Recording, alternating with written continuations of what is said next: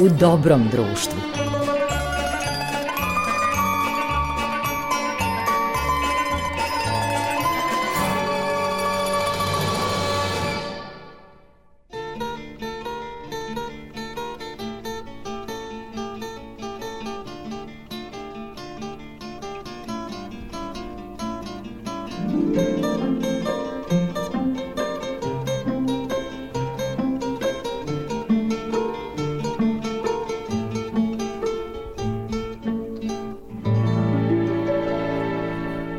Slušalci, dobrodošli u novo izdanje emisije U dobrom društvu.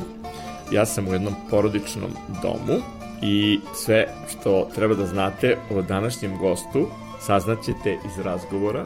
Na početku samo da kažem da i ovu emisiju tonski uobličava Marica Jung, a vaš domaćin i urednik emisije je Goran Vukčević, a naravno sad ću da predstavim i gosta kojeg sam ja trenutno gost, to je gospodin Milan Nožinić, atletičar u penziji. Ja ću Čika Milana zvati Čika Milane, zato što se mi poznajemo duže od pola veka. Dakle, preko 50 godina traje naše poznanstvo, još od zajedničkih porodičnih letovanja, budući da smo kućni prijatelji, u stvari Čika Milan je prijatelj mog oca i spojio ih i posao, da, tako je, a i letovali smo zajedno e, sa porodicom Nožinić godinama najpre na jugoslovenskom primorju, a kasnije u Grčkoj i to od 70. godina kad je tek krenuo jugoslovenski turizam da se polako seli u Grčku. Čika Milane, dobrodošli vi u emisiju u Dobrom društvu Radio Novog Sada. Hvala ti Gorane što si me pozvao u emisiju. Da ne bude samo predstavio si me kao atletičara, ja sam inače po struci diplomiran inženjer agronomije, radio sam sa Goranovim ocem i tako je nastalo u, istoj, u istom preduzeću u Agrokopu ovaj, eksport-import i tu je nastalo naše poznanstvo i naše druženje koje je trajalo, kao što je Goran rekao, godinama i godinama.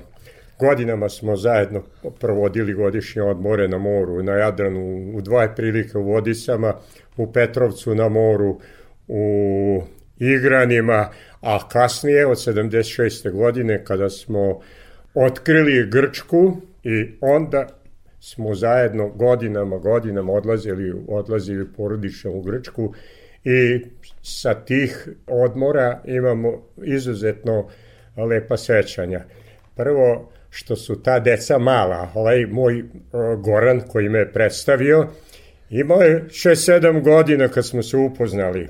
Tako Videlo da, se da će biti reditelj, režira od malih nogu. Njegov stariji brat Saša je nešto mlađi od mog sina, a Goran je nešto mlađi od moje čerke Sanje. Tako da su se deca družila, a odrasli su se opet družili i to pozanstvo je trajalo dugo, dugo.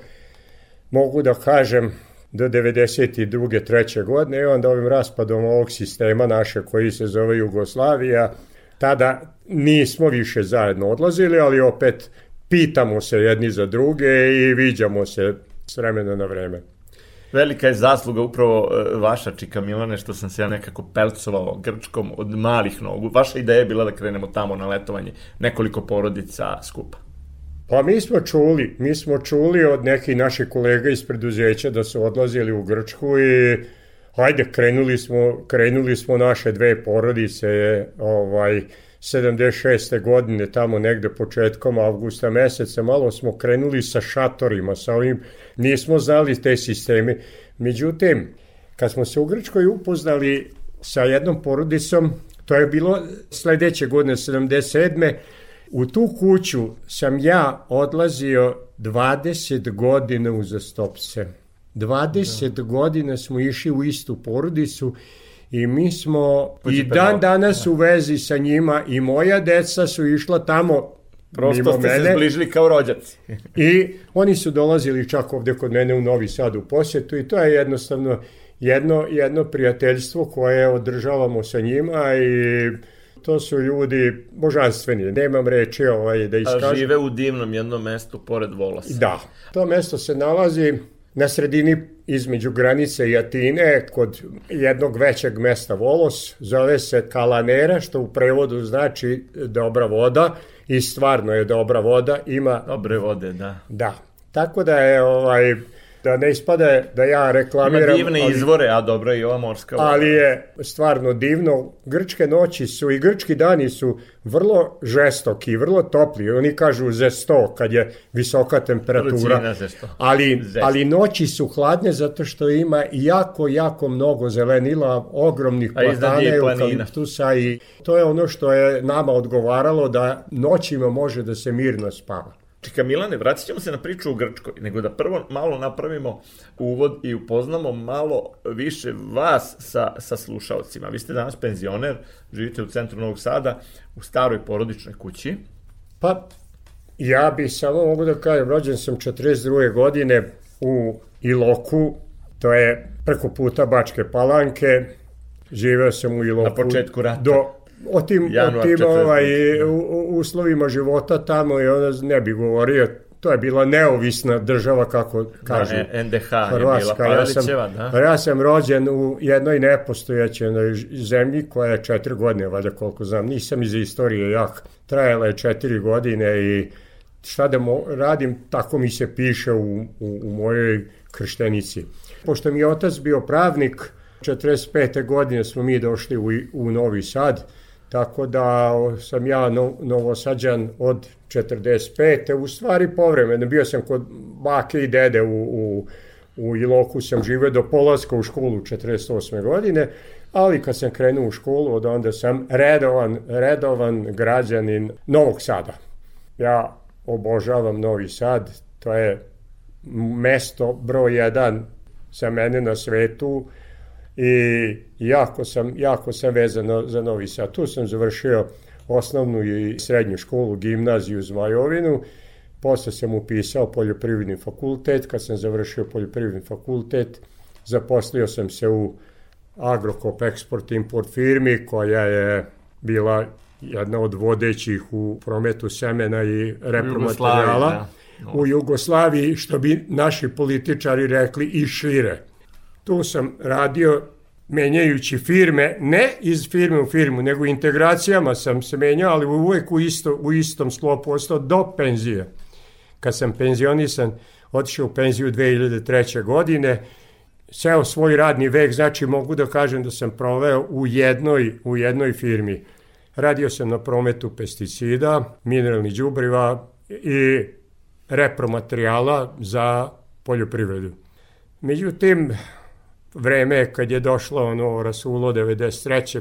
nastaju teži uslovi, firme su teško opstajale i ne bi pričao sada o svemu tome. Dobro, ali ja bih da nešto kažemo o, o, o sportskoj karijeri vašoj, koja je vrlo važna karijeri. u vašem životu. Pa, ja sam imao starijeg brata, 39. godište, Imali smo veliko dvorište tu, ja sam u Novom Sadu u Vase Stajića ulici, dok nije izgrađeno u dvorišnom delu, ovaj, to je preko 40 metara bilo, bilo ovaj dugačko dvorište, tra, zatravljeno onako, i tu smo mi se bavili atletskim disciplinama, improvizovali smo neka grada. koplja, da, da. nešto smo pravili sami i tako dalje. Tako da je počela prvo njegova Bacanje sportska kople, karijera mog pokojnog brata i Onda sam ja kao mlađi krenuo. Međutim, brat je otišao na studio, bio je on ovaj, juniorski reprezentativac Jugoslavije, na susretu Rumunija i Jugoslavija u Novom Sadu i u revanš je bio u Klužu u, u Rumuniji.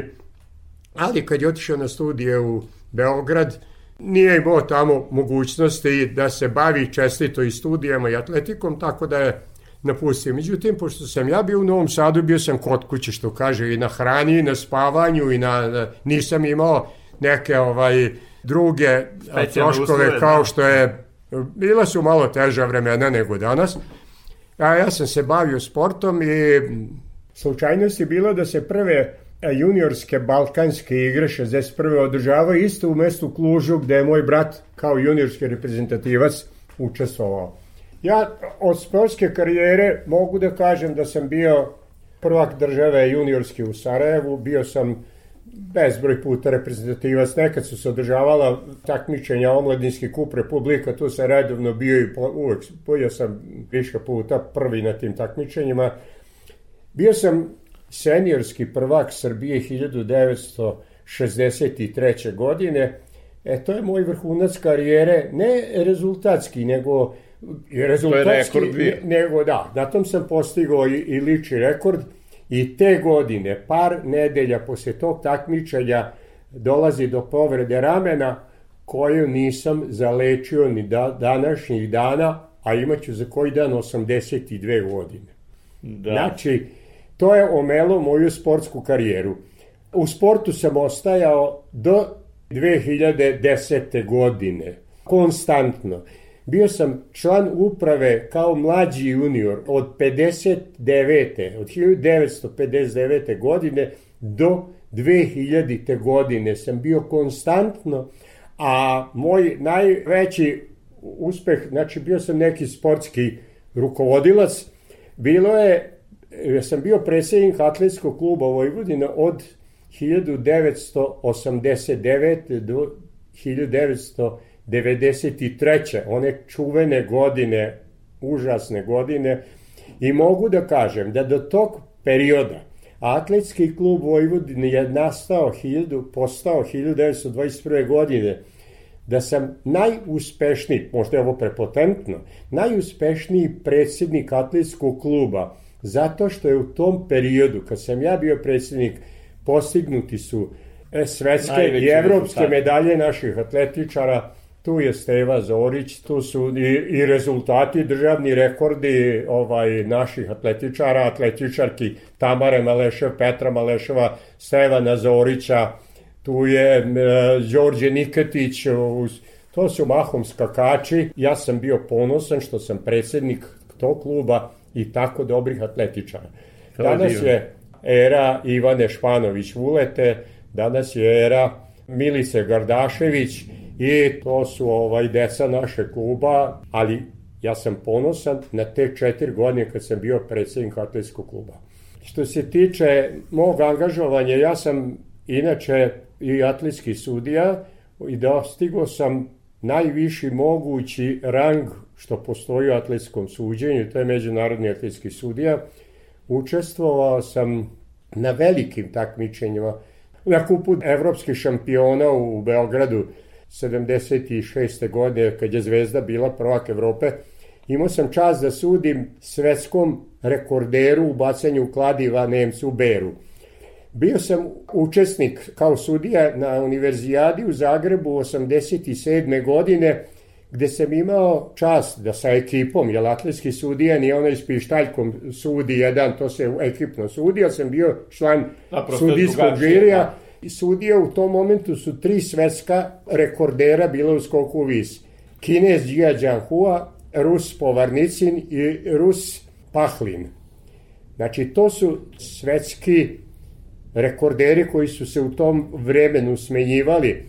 Da ne kažem, bezbrojnim evropskim rekorderima sam imao priliku da sudim i to su moji lepi, lepi dani iz, iz mog atletskog sporta. Nažalost, u Novom Sadu sam, recimo, pošto je održano Evropsko prvenstvo juniorsko ovaj, 2009. godine, bio sam nosilac kompletne sudijske organizacije i glavni sudija za sva bacanja koja su bila ali sam ja bio kao domaćin ovde i kao međunarodni sudija organizator kompletne sudijske ekipe, to je jedan aparat koji je bio 165-170 sudija, znači to je, to je sve trebalo organizovati sve je trebalo rasporediti na pravo mesto.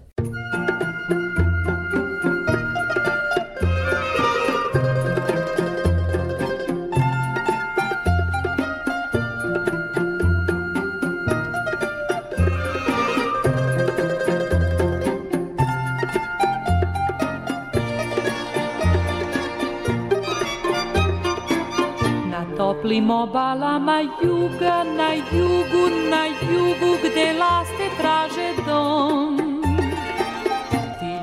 ne znaju za tugu, za tugu, jer tuga je strana kraju tom. I sva su lica uvek vedra od jutra, od jutra im osmeh krasi dan. Nije važno šta će doneti sutra, jer sutra će novi naći san.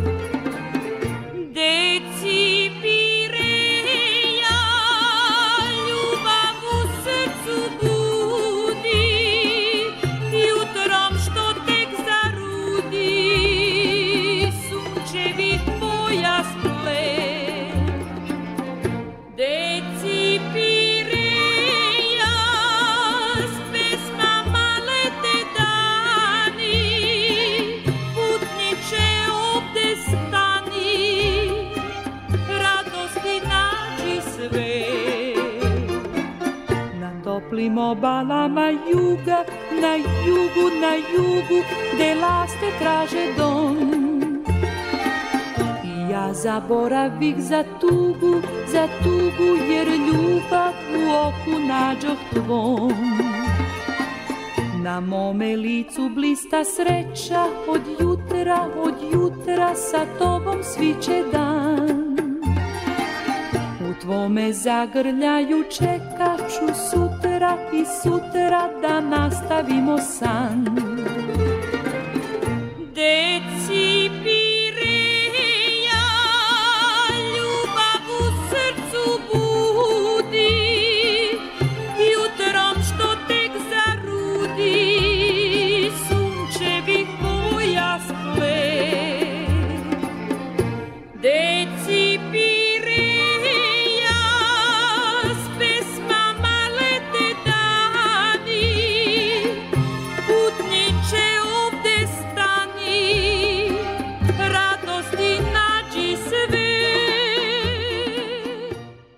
bih se osvrnuo malo na uslove koji danas postoje u, za ovaj, bavljenje atletikom u Novom Sadu.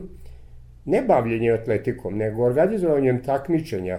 Novi Sad je izgradnjom one za mene neshvatljive promenade ili kako se zove ona na, na pomoćnom igralištu Vojvodine, kada su uništena bacališta.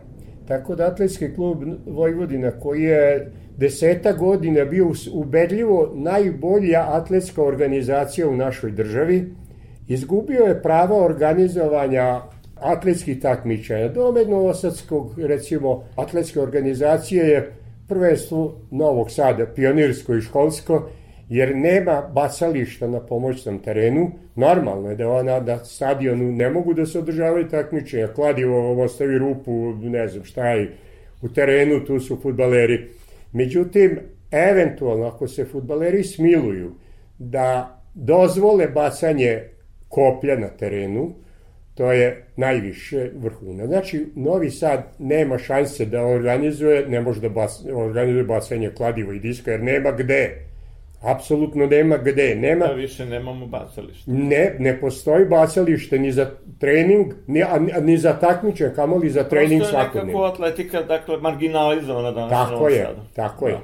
Slušajte, u Beogradu su stadion Crvene zvezde i stadion Partizana fiktivno. Postoji tamo atletska staza, ali tamo se ništa ne događa. Tamo treniraju, ali nema takmičenja. Izgubili su licencu zato što je interes za atletiku. Ali imamo zato četiri nova stadiona futbalska koja su tako raspoređena po državi, po nekom... Tu je mnogo unosnije. Da, tamo gde nema futbala, Loznica je čuvena kao bokserski centar, dobio je futbalski teren.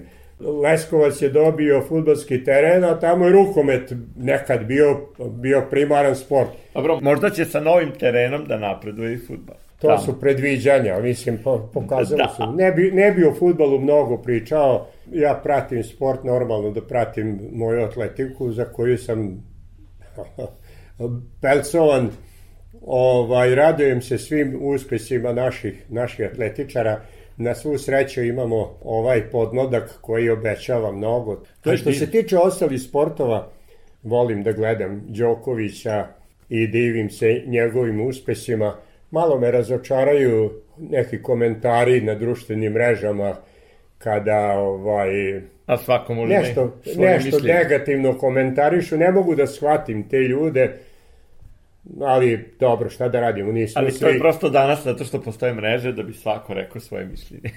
da, pa Koje dobro, nije toliko bitno. Ali ovaj ne volim da prebrojavam novce koje je zaradio Đoković Ja znam da je zaradio sa mnogo znoja, sa mnogo truda, sa mnogo rada, sa mnogo odricanja, a novce neka broji on koji je zaradio. Mislim da nije mnogo košta ovo društvo u njegovom nastanku, tako da ovaj, nemaju prava neki. Neki, da li su to ljubomorni ljudi, da li su to danas mrze sebe, sutra mrze ceo svet, ako nemaju Ne, opet vraća Nećemo se. na tu temu, nego ćemo sada malo muzike, malo muzike da čujemo. Hoćemo pa, nešto grčko. Ima pa neka ja posebna sam, želja. Ja sam bio ljubitelj rock muzike od, od malih nogu i do današnjih dana ja slušam Evergreen, a to su Paul Enka, Elvis Presley, ne znam, Fats Domino, Roy Orbison, da ne nabrajam Onda ćemo sada. slušati Evergreen, ali možemo da čujemo i Demisa Rusisa da bismo A dotakli da, malo- da, normalno. Jer je to iz no, onog vremena. Ne, pa da ne govorim, Miki Steodorakis je moj poseban, moj poseban, bez obzira što on ne spada u Evergreen, ali to je nešto što me veže. Samo bi da kažem ovako, da sam ja u sportu 1961.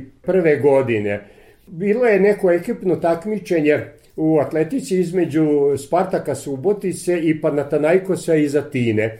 Spartak Subotica je željeznički klub i atletski klub i oni su mene i nas nekoliko pozvali da ih pojačamo, tako da je moj prvi odlazak u inostranstvo i prvi boravak u. Grčkoj bio Atina i ja sam se onda zakačio za Grčku i za Atinu u pozitivnom smislu i ona je za mene nešto nešto se da smo o Atina tome je nešto govorili. što je što je neprevaziđeno. Jeste, u srcu zato što ste upoznali nekada Atinu, vrlo davno. Je. Koja godina, da kažem još jedno? 61. 61. 1961. godine. Mogu samo da zamislim kako to je gledalo. 61. godine, to je bilo, sedam dana sam bio u Atini, pa mogu da kažem da sam još i jedan od redkih živih atletičara koji se o, takmičio na stadionu Panathinaikon ili ti stadionu prvih olimpijskih igara iz 1896. godine. Tako je, kad je Pierre de Coubertin organizovao prve Jeste. e, obnovljene olimpijske igre, oni zovu taj stadion, Grci zovu Reo Marmaro, Lep Mermer, Pa dobro. a tamo je prvim tim igrama, Ali Panathinaikon e, pa tako je, Panathinaikon, što Ali znači ja sam, sve atinski. Ali kažem, ja sam jedan od redkih još živi koji se takmičio. To je tom- fantastično. Dotakli ste daleku epohu, jer je e, jedan od najuvaženijih gostiju na toj prvim olimpijskim igrama, na tom istom stadionu, I Gorane. e, bio Aleksandar Obrenović, kralj. Da. I jeste. I ja sam pobedio na tom takmičenju.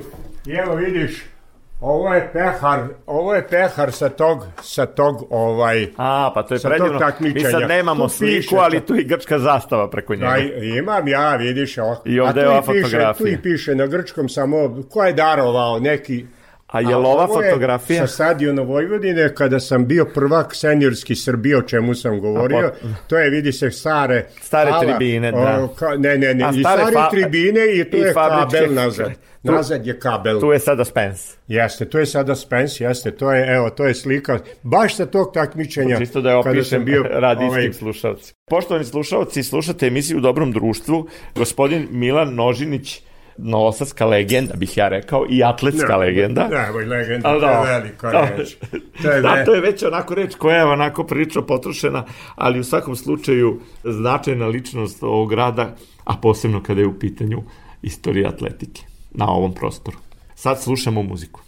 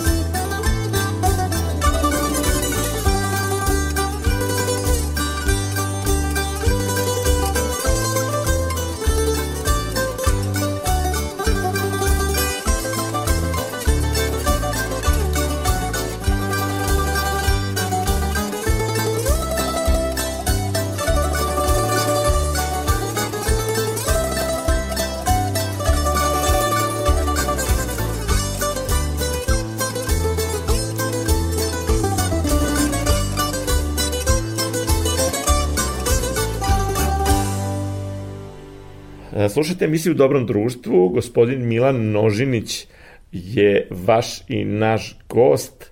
Čika Milane, dakle, Čika Milana poznajem duže od 50 godina, jer su naše porodice letovale zajedno i eto, moram da kažem da ste u stvari vi, Čika Milane, zaslužni za taj odlazak još sredinom 70-ih u Grčku. Sad sve je to bilo drugačije, mogu da mislim kako je bilo 61. kad ste bili na starom Atinskom stadionu olimpijskom. Ono što mi je posebno značajno za naš prvi odlazak u Grčku je odlazak na Zitinlik i poznanstvo sa Čika Đorđem, koje, zahvaljujući vama, u mom srcu traje od 1976. godine. Znači, upoznali smo Đorđa kad je imao 48 godina, deda Đorđe Mihajlović, na polu vremenu života. A živeo je 96. Tačno na pola, a od onda smo se on i ja i vrlo često viđali i eto, radim jedan film o njemu koji smo snimili za njegovog života, ali eto, da oživimo te naše prve odlaske, malo ja sam bio mali, ali zato verujem da dobro pamtite kako je Grčka izgledala 70. godina prošlog veka. U početku smo govorili malo o, o, o tom našem odlasku u Grčku. Jako mi je u živom sećanju. Hvala Bogu, mogu da kažem da me jako dobro služi pamet. I sećam se svi detalja kako smo Došli Goranov otac, Goranov otac Miljenku, kako smo ga mi zvali. Inače Milenko. Milenko, inače. Kako smo se mi spremali da idemo porodično za Grčku. Malo smo se plašili onako gde idemo, malo u nepoznato. Malo... A svi su se čudili zašto pored e, našeg mora, koji da. danas više nije naše. Ne, mi smo, mi smo u kancelariji bili malo gledani popreko ovi, ovi pored Jadrana. To su naročito ovi komunisti, oni su bili idete u tu kapitalističku zemlju i ne znam šta. A hunta a imate samo naš, što je bila, da. Imate naš Jadran, a mi smo bili i onda verovatno svesni da mi nemamo naš Jadran. Ali mi smo vikali da, Trst je naš nekad kao narod. Mislim. Da, i mi smo odlučili da idemo, ko što se rekao, mi smo spakovali malo i kamp opreme i tog svega, malo oni gotovih jela što je počeo 29. Može moment. da se reklamira Karnex. Može, pošto ne postoji. Karnex ne postoji. Ne, Karnex malo postoji, mi, ali 29. Da, novembar. malo smo mi to poneli toga, ne znamo mi gde mi idemo. Međutim, kad smo stigli, prvo granični prelaz na Đevđeli bio jedan. Zamislite, jedan, a jedna benzinska pumpa a hiljade ljudi čekaju ure da natankuju. I mi smo, traka, da. I mi smo već, već u noć, U stvari, supruga i ja sa mojom decom smo pokupili Milenka, njegovu porodicu u Sićevu. Oni su bili tamo kod... To je kod, moju porodicu. Da, jeste, kod, kod porodice e, supruge Milenkove, Ljilje. Da, I onda smo krenuli mi, autoput Beograd-Niš je bio rupa na rupi, I onda smo mi stigli do Đevđelije. E, sad ćemo mi po, po nekim direktivama treba napuniti gorivo. Čekaš u redu i mi smo negde posle ponoći uspeli da pređemo u Grčku.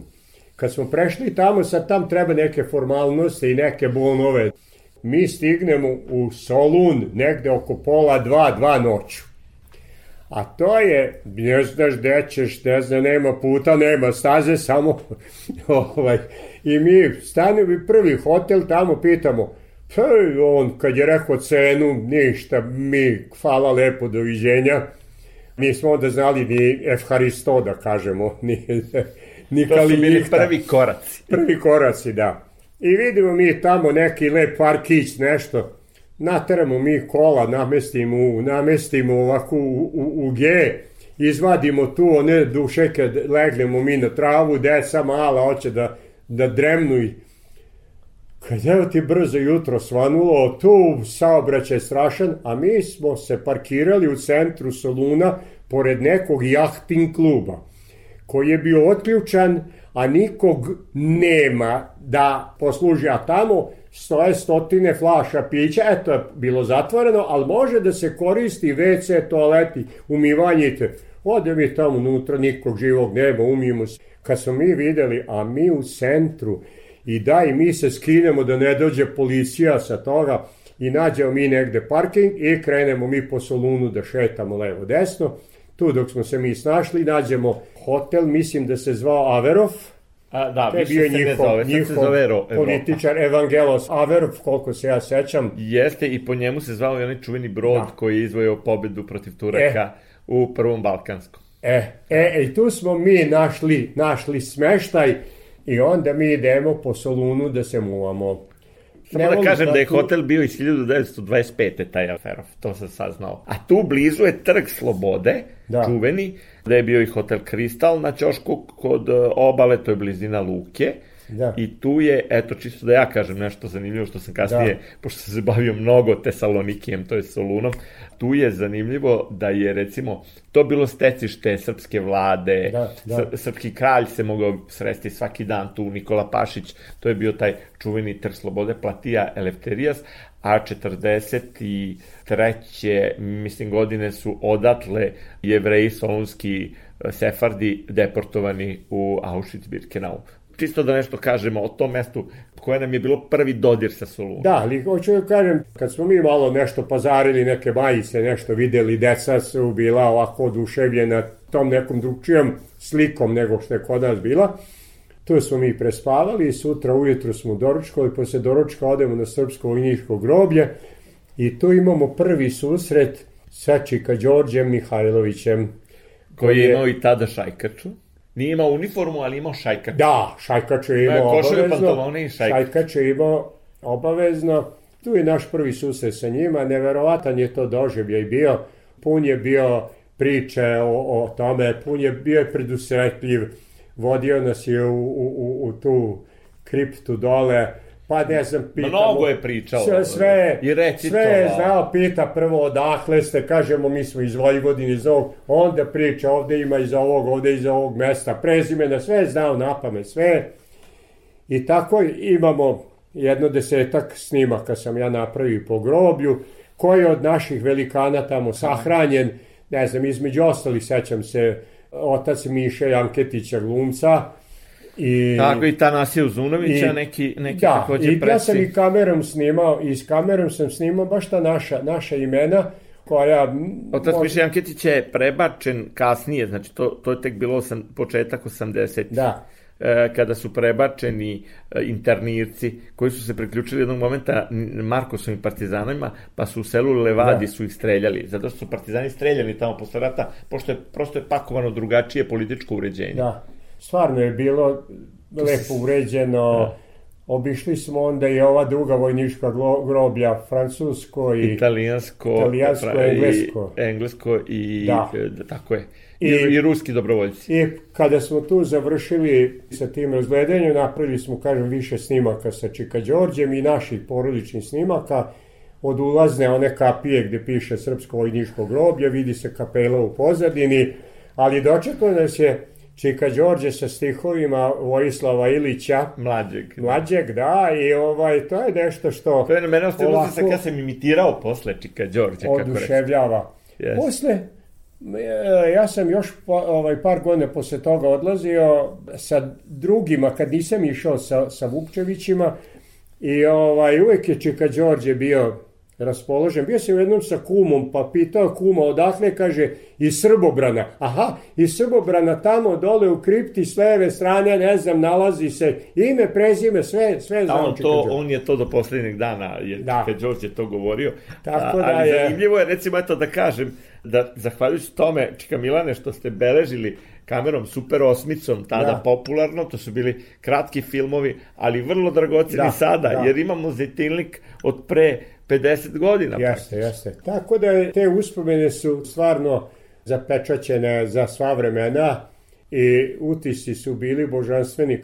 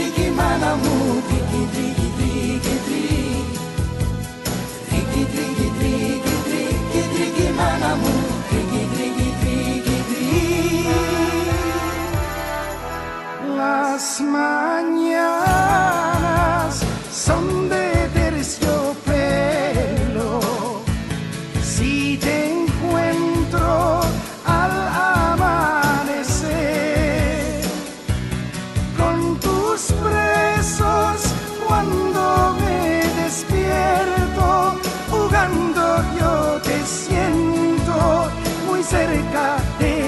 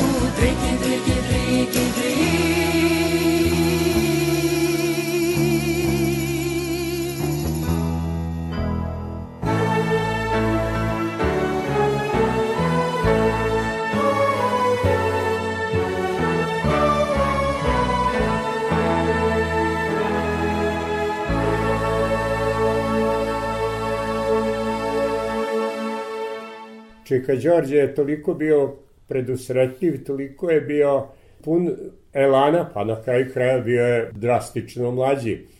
Koliko ja znam po njegovom pričanju, on je to radio volonterski, ali sa puno entuzijazma. U jednom momentu. Dugo vremena on nije dobio nikakvu nagradu od ove države, dugo vremena je trebalo da prođe, To se recimo ne zna. Da, dok se, nije, dok se nije priznalo njemu, ono, on je, ali on je to držao besprekorno u redu i Ali do kraja života zaista država mu se e, odužila.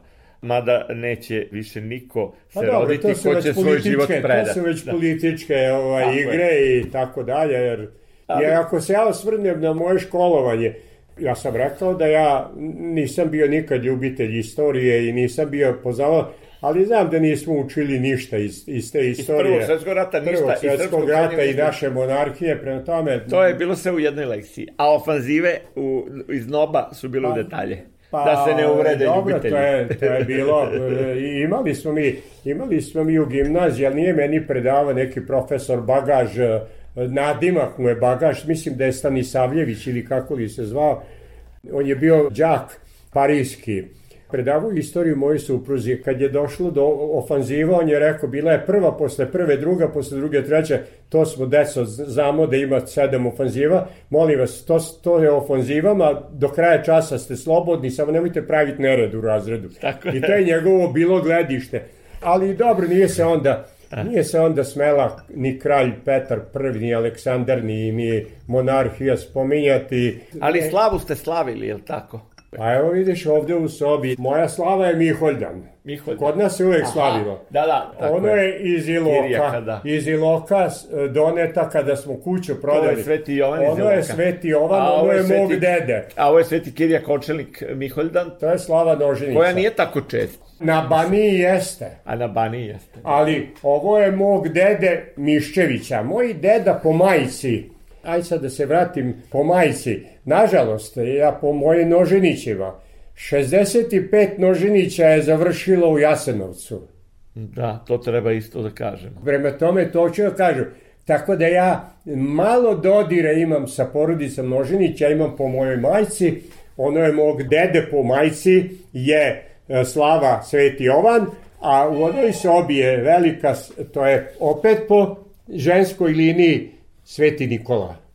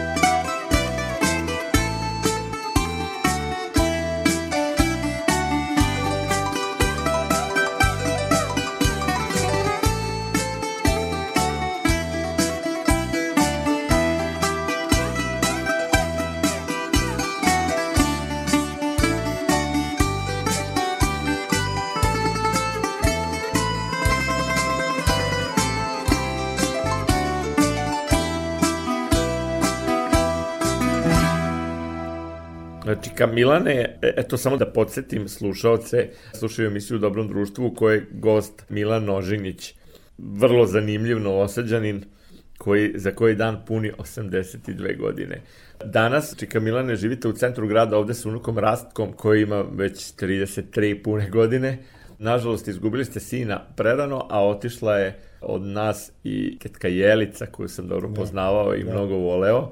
E, otišla je moja majka i tako. Prosto je prošla jedna epoha i sad ne idete više u Grčku na letovanje. Ne, ne, ne.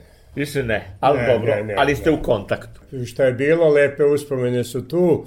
U Divne fotografije, super osam u, filmovi. U kontaktu sam sa nekim ovaj, Grcima sa tim kojim sam pričao, tako da i živim od lepih uspomena, a tako eto, kažem, i dalje volim da pratim sport, pošto sam u penziji, rekao sam da sam, da sam ovaj, agronom, volim malo da neke, neke stvari iz agronomije i posebno koje se dešavaju na našem tlu, da pratim to, pošto se radi na prometu pesticida, a pesticidi su danas izvikana stvar, ja moram i tu da kažem jedno dve rečenice, da, da nema proizvodnje bez pesticida, ali moraju da budu u granicama onog što piše na, na upustvu.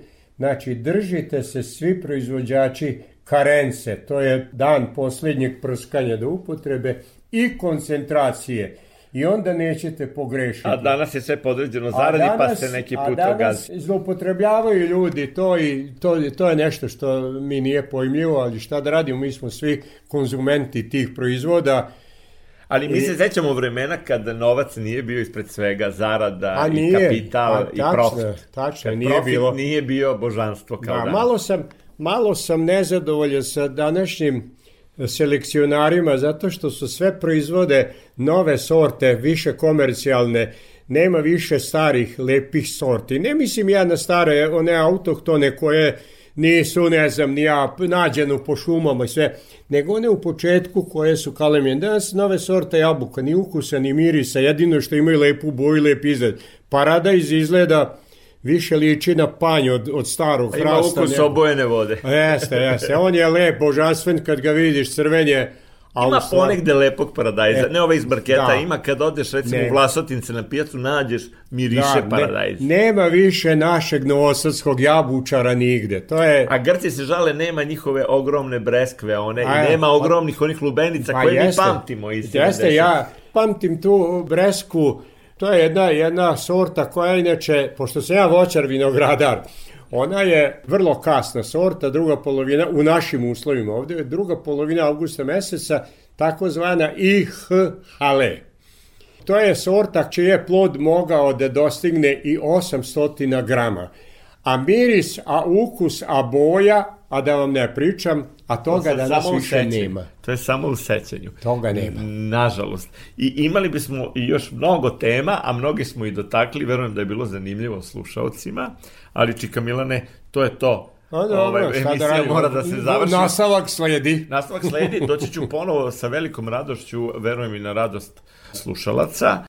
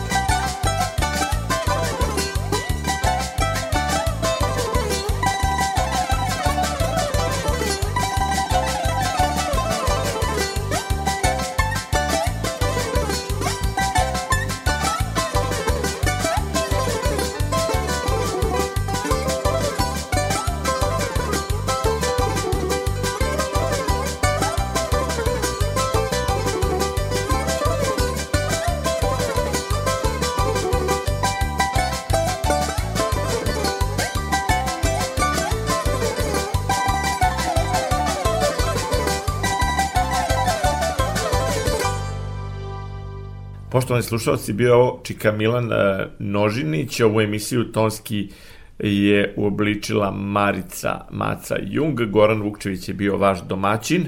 Ovu emisiju možete slušati u repreznom terminu, četvrtkom, posle vesti od 16 časova, a takođe i na sajtu radio televizije Vojvodine rtv.rs pod opcijom odloženo slušanje. Hvala mnogo, Čika Milane. Hvala i tebi, Gorane. I ostanite u... Radujem se što smo sve malo ispričali, evo se igrali uspomene. Da, i na rado slušalaca. Svako dobro, vidimo se uskoro ponovo. Ostanite u dobrom društvu.